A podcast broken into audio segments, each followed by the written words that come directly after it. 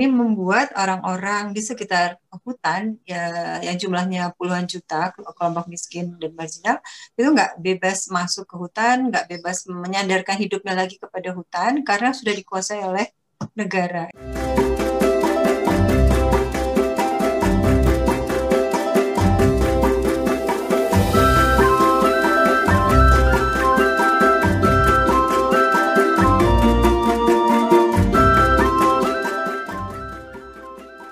Selamat datang di podcast 33. Jadi podcast 33 ini adalah sebuah podcast yang dikelola oleh Artikel 33 Indonesia, sebuah lembaga riset kebijakan yang uh, sudah cukup lama berdiri dan uh, bergerak di berbagai isu ya, isu-isu sumber daya alam dan juga isu-isu sosial ekonomi.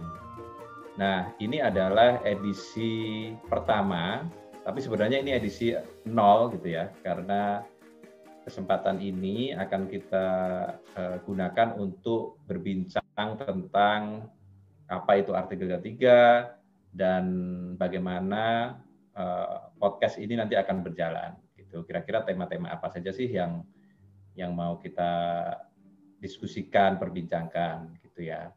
Nah, podcast ini tentu saja adalah berisi tentang eh, bincang-bincang ringan gitu, tapi semoga ada isinya tentu saja ya. Ada tema-tema yang menarik gitu nantinya dan bisa diikuti oleh teman-teman sekalian. Nah, untuk ngobrol tentang artikel 33 Indonesia dan juga uh, podcast 33 ini, uh, sudah hadir apa tim kami ya teman-teman kami ada Mbak Citra yang merupakan founder gitu ya pendiri dari Artikel 3 Indonesia juga ada teman-teman peneliti Artikel 3 Indonesia gitu ya ada Agus Pratiwi biasa dipanggil Tiwi dan juga ada Sudiarto. Nah mungkin uh, sebelumnya uh, perkenalkan dulu. Jadi saya adalah Santoso, uh, Direktur Eksekutif Artikel 3 Indonesia saat ini. Di sini ada juga tadi Mbak Citra. Uh, Mbak Citra silahkan perkenalkan diri. Itu siapa gerangan Mbak Citra ini? Halo semuanya, uh, saya Citra Retna, biasa dipanggil juga Citra Haryadi. Saya memang termasuk dalam pendiri artikel 33 Indonesia kurang lebih 10 tahun yang lalu uh, latar belakang saya lebih banyak di penelitian dan makin ke sini semakin fokus di environmental economics, uh, sebuah uh, studi yang bidang studi yang mendalami environmental issue, tapi dari sisi ekonomi. Jadi saya banyak melakukan riset tentang hutan, tambang atau isu-isu environmental dari sisi pendekatan ekonomi. Uh, sekarang saya tinggal di Bandung, tapi saya banyak melakukan riset di seluruh daerah di Indonesia. Terima kasih, Mbak Citra. Nah, ada juga Tiwi, mungkin Tiwi bisa memperkenalkan diri juga. Halo semuanya, nama saya Tiwi. Uh, saya program manager di artikel 3 Indo artikel 33 Indonesia. Selain program manager, saya juga melakukan beberapa riset di artikel 33 terutama yang yang berkaitan dengan aspek kesetaraan gender dan inklusi sosial. Selain untuk isu gender, saya juga fokus di isu-isu inklusi sosial lainnya seperti uh, disabilitas. Saat ini saya tinggal di Tangerang Selatan, walaupun saya juga bekerja di Bandung juga di Unpad, uh, selain di artikel 33. Oke, okay, thank you, Tiwi. Uh, satu lagi ada Sudi ya, silakan Sudi perkenalkan diri. Halo teman-teman semua, uh, Mungkin perkenalkan nama saya Sudiarto atau biasa dipanggil Sudi. Uh, saya tergabung dalam tim penelitian di artikel 33. Oke, itu tadi perkenalan teman-teman artikel 3. Sebenarnya di artikel 3 itu ada lumayan banyak ya para peneliti muda yang membahas berbagai isu yang macam-macam gitu ya. Nanti mungkin di edisi berikutnya bisa di perkenalkan lagi ya peneliti-peneliti lainnya. Oke, untuk tema podcast kali ini itu memang fokus pada apa itu artikel 3, jadi lembaga artikel itu apa, kemudian nanti podcast ini tuh nanti apa. Jadi saya memulai dengan pertanyaan untuk Mbak Citra sebagai pendiri artikel 33. Jadi artikel 33 ini sebenarnya apa? Eh, kapan berdirinya dan mungkin apa sih eh, pekerjaannya dulu tuh visinya gimana gitu? Silakan. Iya, uh, artikel 33 berdiri sekitar tahun 2009 sebetulnya ya secara aktivitas. Uh, dan sejak awal memang semangatnya adalah semangat melakukan riset untuk uh, kebijakan atau uh, research based uh, policy based research ya karena kita melihat bahwa lembaga semacam ini atau kita biasa menyebutnya think tank itu cukup kurang dan dibutuhkan sekali di Indonesia di mana perumusan kebijakan itu sangat membutuhkan evidence base yang dihasilkan dari riset yang berkualitas. Nah, kita mendirikan lembaga 333 dengan semangat tersebut. Kemudian pada saat kita mencari nama, Uh, kayaknya nama-nama itu udah umum ya kalau singkatan-singkatan pusat studi lembaga ini dan sebagainya. Kita coba cari nama yang catchy, menggambarkan spirit yang ingin dibangun oleh teman-teman artikel 33 Indonesia yang sebetulnya diambil dari kata pasal 33 Indonesia UUD 45 di mana pasal ini sangat spesifik uh, cerita tentang bagaimana falsafah uh, pendiri-pendiri bangsa ini ya melihat ekonomi yang inklusif.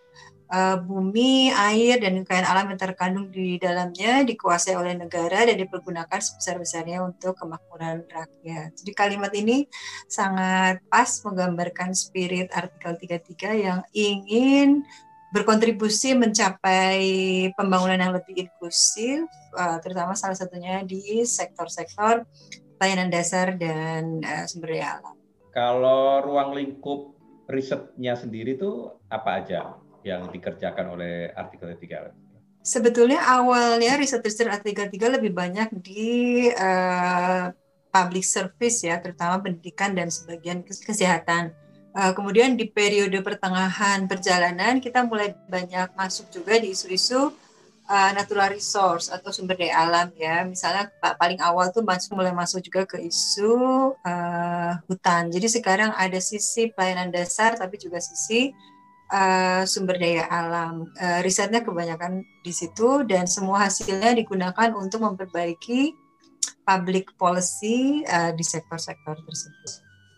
Apa artikel 3 Indonesia sekarang ini memang melakukan berbagai riset yang tadi disebutkan oleh Mbak Citra ini ya tentang ada bicara tentang hutan sosial eh, di situ kita bicara tentang kelompok marginal ya ada masyarakat adat dan juga di sektor-sektor lain ya di isu-isu yang lain kita juga sebenarnya bicara tentang fokus di eh, kelompok marginal ya seperti uh, mereka yang berada di daerah terpencil kemudian kelompok miskin gender uh, social inclusion dan lain sebagainya.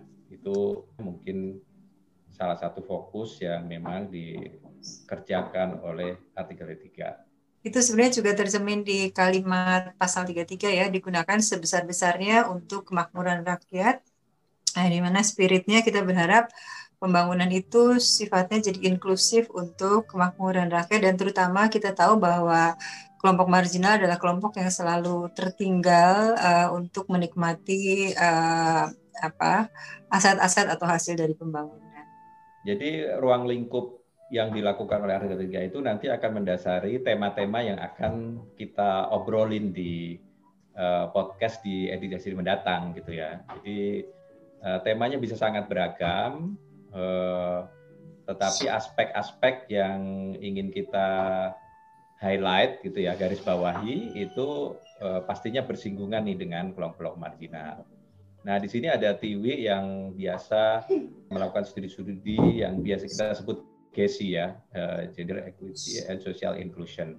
Nah mungkin Tiwi bisa ngasih gambaran tentang apa sih uh, aspek GESI itu sebenarnya? Ya jadi uh, sebenarnya GESI ini juga sudah ini ya, sudah berkembang sekarang, bukan gender equality and social inclusion lagi. Sekarang sudah berkembang jadi GETSI sebenarnya, gender equality, disability itu sendiri sekarang isunya, dan uh, social inclusion. Jadi ada tiga aspek, gender, gender equality, uh, disability, and social inclusion.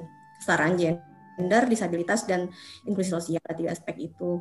Jadi uh, tidak cuma bicara soal gender aja, tidak cuma bicara soal kesetaraan gender juga, tapi bagaimana eh, isu-isu uh, terkait dengan gender ini menempel pada isu lain.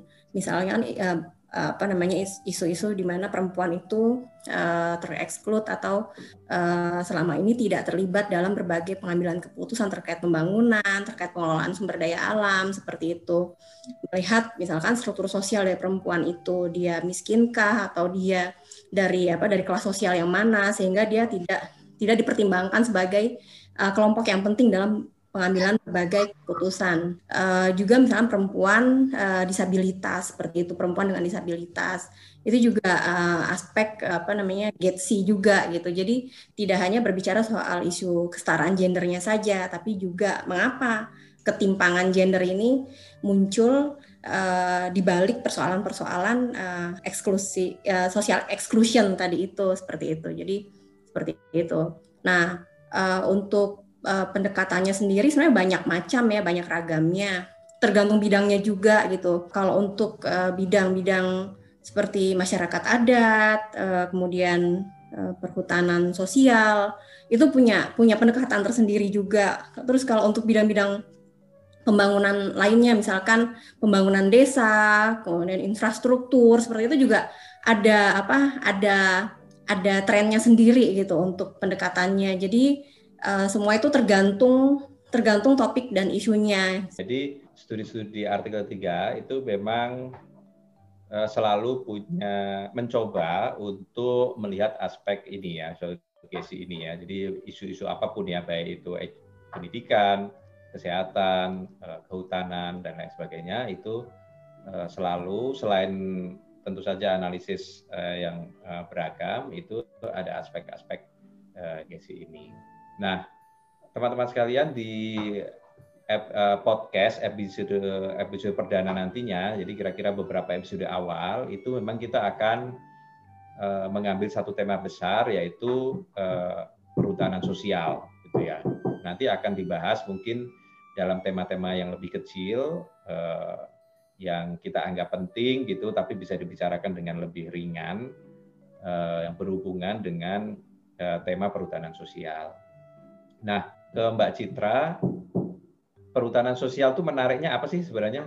Menariknya nih kembali nih ya, saya pengen balik ke apa eh, pasal 33 sebagai spirit nama artikel 33 ya. Eh, bumi, air dan kekayaan alam di dalamnya ini kita bicara tentang forest atau hutan gitu yang jumlahnya sangat luas di Indonesia. Eh, tapi setelah perubahan kebijakan dan politik tahun awalnya tuh hutan lebih banyak dinikmati oleh eh, perusahaan-perusahaan besar atau konsesi-konsesi yang diberikan kepada, kepada perusahaan besar uh, sehingga membuat akses kelompok miskin atau orang-orang yang tinggal di sekitar hutan itu jadi sangat terbatas. Itu sebabnya Indonesia sangat-sangat familiar dengan konflik uh, tenurial konflik di sekitar perhutanan.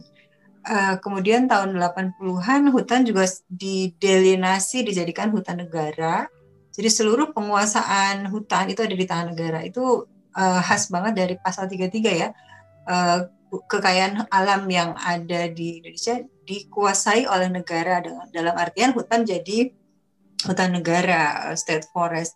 Dan ini membuat orang-orang di sekitar hutan ya, yang jumlahnya puluhan juta kelompok miskin dan marginal itu nggak bebas masuk ke hutan, nggak bebas menyandarkan hidupnya lagi kepada hutan karena sudah dikuasai oleh negara. Itu sebabnya di dalam pasal ini sebenarnya kata-kata dikuasai negara itu bagian yang selalu ingin diamanding, diamandemen oleh orang-orang karena yang jadi pokoknya sebetulnya hmm, uh, kemakmuran sebesar-besarnya kemakmuran untuk rakyat.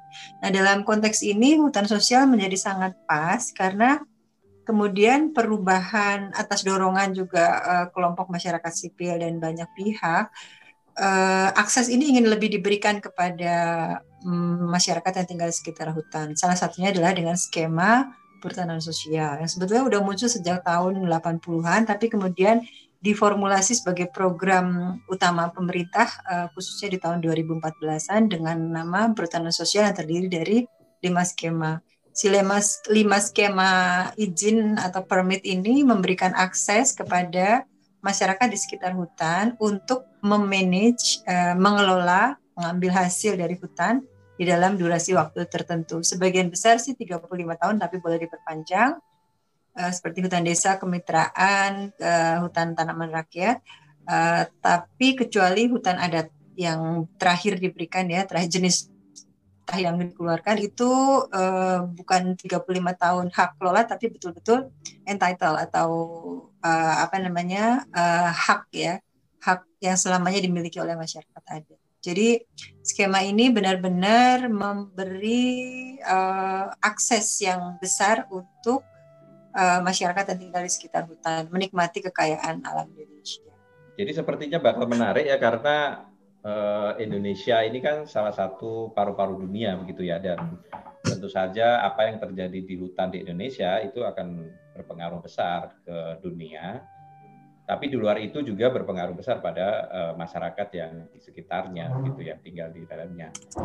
Oke, sebagai informasi uh, artikel 3 itu di akhir 2018 itu dengan dukungan uh, Voice Indonesia itu sedang melakukan studi dan juga uh, pengembangan kapasitas uh, tentang perhutanan sosial di uh, tiga daerah gitu ya, ada di dua daerah di Sulawesi Selatan dan juga satu daerah di NTB. Nah ini tuh sudah mendekati akhir-akhir proyek dan sudah ada beberapa hasil studi.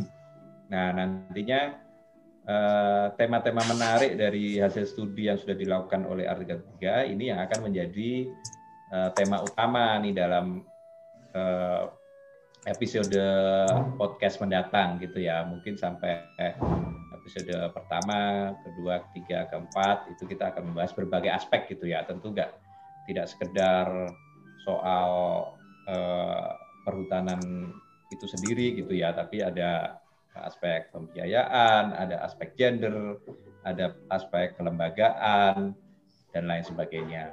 Itu nanti akan jadi tema menarik sepertinya. Eh, kita tunggu saja siapa yang akan kita undang di podcast mendatang dan kita tunggu apa sih nanti apa insight-insight menarik dari uh, podcast ini. Sepertinya itu saja. Terus simak podcast 33, podcastnya Artikel 33 Indonesia. Terima kasih semuanya.